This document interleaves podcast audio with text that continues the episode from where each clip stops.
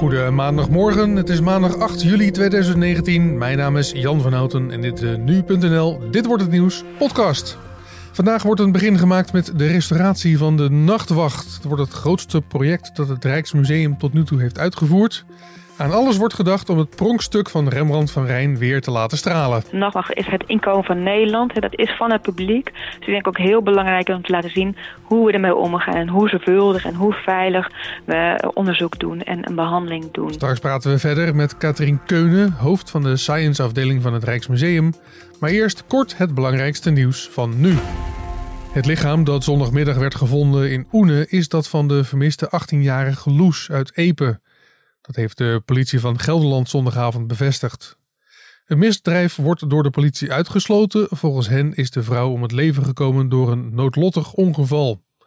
De 18-jarige Loes verdween in de nacht van vrijdag op zaterdag na een feest. Door de politie werd meteen groot alarm geslagen. De stemmen worden nog geteld in na de verkiezingen in Griekenland, maar de conservatieve oppositiepartij Nieuwe Democratie lijken een absolute meerderheid te behalen in het parlement. Volgens de officiële verkiezingsprognose krijgt de partij van oppositieleider Kyriakos Mitsotakis 158 van de 300 zetels. Hij wordt later vandaag dan ook ingezworen als de nieuwe premier. De Syriza-partij van de zittende premier Alexis Tsipras verloor naar verwachting fors, maar blijft wel de tweede partij in het Griekse parlement. President Trump heeft het nationale elftal van de Verenigde Staten gefeliciteerd met de overwinning op het WK voetbal. Prachtig en spannend spel. Amerika is trots op jullie allemaal, zo schreef hij in een tweet. Meerdere speelsters hebben forse kritiek op Trump, onder wie aanvoerster Rapino.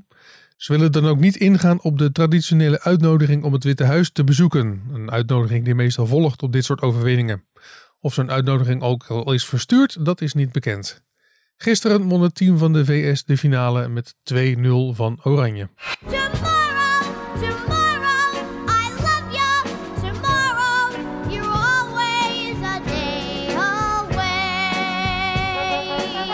Tomorrow uit de musical Annie. De componist van dit iconische liedje, Martin Charnin, is overleden. Hij bedacht, componeerde en regisseerde in 1977 de musical over het weesmeisje Annie. Die is uitgegroeid tot een van de meest succesvolle musicals ooit. Martin Charnin is 84 jaar geworden.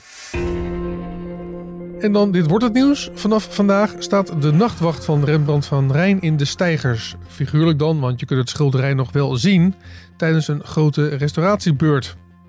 Het wordt het grootste project dat het museum tot nu toe heeft uitgevoerd. Het Rijksmuseum spreekt dan ook van Operatie Nachtwacht. Wat komt er allemaal bij kijken en hoe lang gaat het duren? Collega Carne van den Brink belde met Katrien Keunen, hoofd van de science afdeling van het Rijksmuseum. Hij vroeg haar hoe ambitieus deze operatie is. Nou, dit is zeker een heel ambitieus project. Ten eerste omdat natuurlijk de nachtwacht een hele groot schilderij is. Dus qua omvang is het een uitdaging.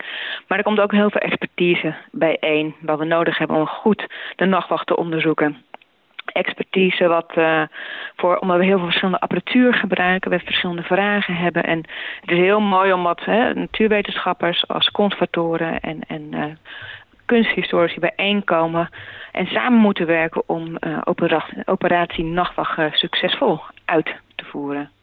Nou ja, want het is ook een tijdje geleden dat uh, de Nachtwacht voor het laatst volgens mij gerestaureerd is. Op 14 september 1975 werd Rembrandts Nachtwacht met een mes ernstig beschadigd. Zeven sneden gingen daarbij door en door. En op één plaats werd zelfs een hele reep uit het doek weggesneden. Hoeveel ja. kan er gebeuren met een schilderij in 43 jaar? Ja, kijk, dat, dat, uh, dat moeten we natuurlijk onderzoeken. Wat heel mooi is dat in, uh, in 75 en 76 natuurlijk die restauratie is uitgevoerd. Daar is ook onderzoek toen de tijd aan gedaan.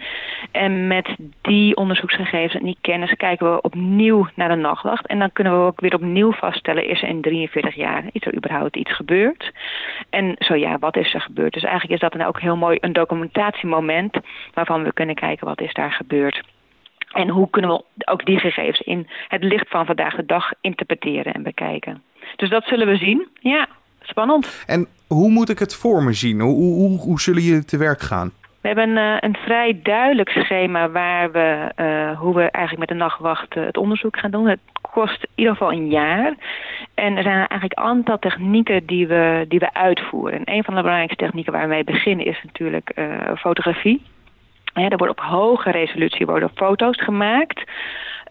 dan moet je denken echt op een niveau van 5 micron. Nou, dat is, ik denk, 10 keer, 20 keer dunner dan een doorsnede van je haar. Dus het is echt heel hoog detail. Daar kunnen we heel veel aan uit aflezen. En vandaag dus beginnen we eigenlijk met de macro XRF-scanner. Dat is eigenlijk een techniek, dat kennen we. als je bij de tandarts je een foto van je tand laat maken, zie je je tand en je tandvlees. Met deze techniek gebruiken we ook röntgen. Alleen we kunnen nu detecteren wat de samenstelling van de verf is. Welke elementen zitten erin. En met die informatie kunnen we kijken hoe Rembrandt schilderde, wat voor verf hij gebruikt. Dus we krijgen heel mooi beelden over, over de techniek van Rembrandt, maar ook over dingen die veranderd zijn daarin. Want het lastige is natuurlijk met het schilderij, althans dat zeg ik als leek, lijkt me dat je een, een vernislaag hebt en daarvan kan je optisch zien, oké, wat is er misschien veranderd. Maar daarachter zit dan nog die hele verflaag, waar ook misschien nog andere dingen aan kunnen veranderd zijn. Uh, hoe, ja, dat maakt het volgens mij een heel lastig spel. Ja, vind ik een hele goede vraag. Nou, gelukkig zijn er eigenlijk allerlei verschillende technieken die we gebruiken om of door zo'n vernislaag heen te kijken of door het hele schilderij heen te kijken. En elke techniek heeft weer zijn eigen specialiteit. En met elke techniek geven we eigenlijk een soort puzzelstukjes over. Hè, wat gebeurt nou met het schilderij? Hoe zit het in elkaar? En daarom duurt het ook een jaar. Omdat we eigenlijk het schilderij met verschillende technieken moeten gaan bekijken. En je moet je goed realiseren dat elke techniek natuurlijk heel veel beelden en heel veel data oplevert. En het is best wel ingewikkeld om hè, het ene beeld met het andere beeld te vergelijken. En gelukkig is er vandaag de dag natuurlijk heel veel uh, uh, data science, wiskundige technieken en computertechnieken om beelden met elkaar te vergelijken, om beelden aan elkaar te plakken. Dus die data science, dat is ook een van uh, de dingen die hier uniek zijn aan dit project, om alles goed te kunnen analyseren en heel, goed, heel veel informatie uit de onderzoeksresultaten te krijgen, waar wij vervolgens weer een behandelingsplan op kunnen maken. Maar dat onderzoek uh, nou, deze hele operatie zal niet uh, gebeuren in een uh, donkere ruimte in de kelder, maar gewoon in de, in een, nacht, nachtwachtzaal. Ja, in het licht. Wa waarom hebben jullie ervoor gekozen om dit openbaar te, te doen? Nou, ik denk allereerst is het heel belangrijk om gewoon heel open. En kijk, open en helder zijn over wat we doen. Ik bedoel, de nachtwacht is het inkomen van Nederland. Hè, dat is van het publiek. Dus ik denk ook heel belangrijk om te laten zien hoe we ermee omgaan. En hoe zorgvuldig en hoe veilig we onderzoek doen en een behandeling doen. Daarnaast is het ook heel belangrijk dat we niet kunnen zeggen... dit is binnen een jaar, binnen twee jaar klaar. En je wilt niet voor een onbeperkte tijd de nachtwacht hè, niet toegankelijk maken voor het publiek. Dus daarom is gekozen om voor het publiek uh, het onderzoek uit te voeren en ook de behandelingsfase straks voor het publiek uit te voeren. Want ik denk dat gewoon in alle openheid uh, uh, de nachtwacht toegankelijk is voor het publiek. Maar dan lijkt me dat de mensen die het onderzoek gaan plegen op de nachtwacht ook stalen zenuwen moeten hebben als je het, het oog in je rug hebt, je oog in je rug hebt. Ja, enorm. Nee, kijk, we zijn allemaal natuurlijk professioneels. Dus we weten allemaal heel goed wat we doen. En dat scheelt. We hebben iedereen zijn eigen expertise. We zijn heel ervaren met alle technieken. We zijn heel ervaren met het omgaan met schilderijen. Dus daar hebben we absoluut geen zenuwen voor. Dus ik ga met alle vertrouwen deze fase tegemoet. En ik denk dat we eigenlijk alleen maar plezier hebben met in het werk wat we doen. En dat hoop ik dat we het ook kunnen uitstralen naar het publiek als je kijkt natuurlijk naar deze operatie en wat er gedaan moet worden. Het lijkt me ook op een gegeven moment dat het schilderij behandeld moet worden. Uh, Met menselijke liefde of misschien een stof. Uh, hoe, hoeveel zal daarvan echt tijdens de openingstijd gedaan kunnen worden? Of moet er ook heel veel dingen gedaan worden voor misschien de menselijke veiligheid uh, buiten de openingstijd? In principe zal alles tijdens openingstijd gebeuren. Alle technieken die we gaan doen, die zijn veilig, die zijn getest. Hè, en er zijn maatregelen genomen, hè, zodat het veilig is voor de gebruiker en voor het publiek. Dus daar hoeven absoluut geen zorgen voor te zijn. Op het moment dat een restauratiefase in zal zijn, en daar is, hè, je doelt misschien op oplosmiddelen, zal er ter plekke ja. afzuiging komen. We werken met maskers, dus er zal alles zal aan gedaan worden dat het veilig is voor uh, de, de gebruiker, dus wij als, als restauratoren en het publiek. Dus daar verwacht ik absoluut geen, uh, uh, geen zorgen. Gelukkig maar. Ja. want de zorgen, ja, die zijn er natuurlijk altijd wel als je zo'n project of zo'n operatie ingaat. Want dit is geen goedkoop gebeuren, lijkt me. Mm -hmm.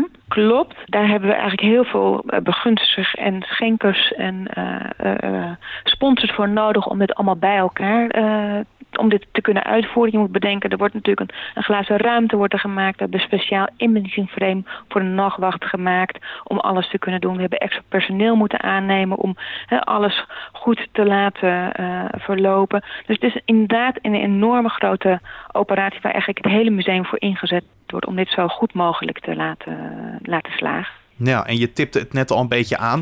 De hoop is natuurlijk dat het niet duur gaat worden qua bezoekersaantallen. Want je ziet de nachtwacht niet in zijn, ja, sorry dat ik moet zeggen, in zijn volle glorie. Uh, Dat hij pronkt daar in die nachtwachtzaal.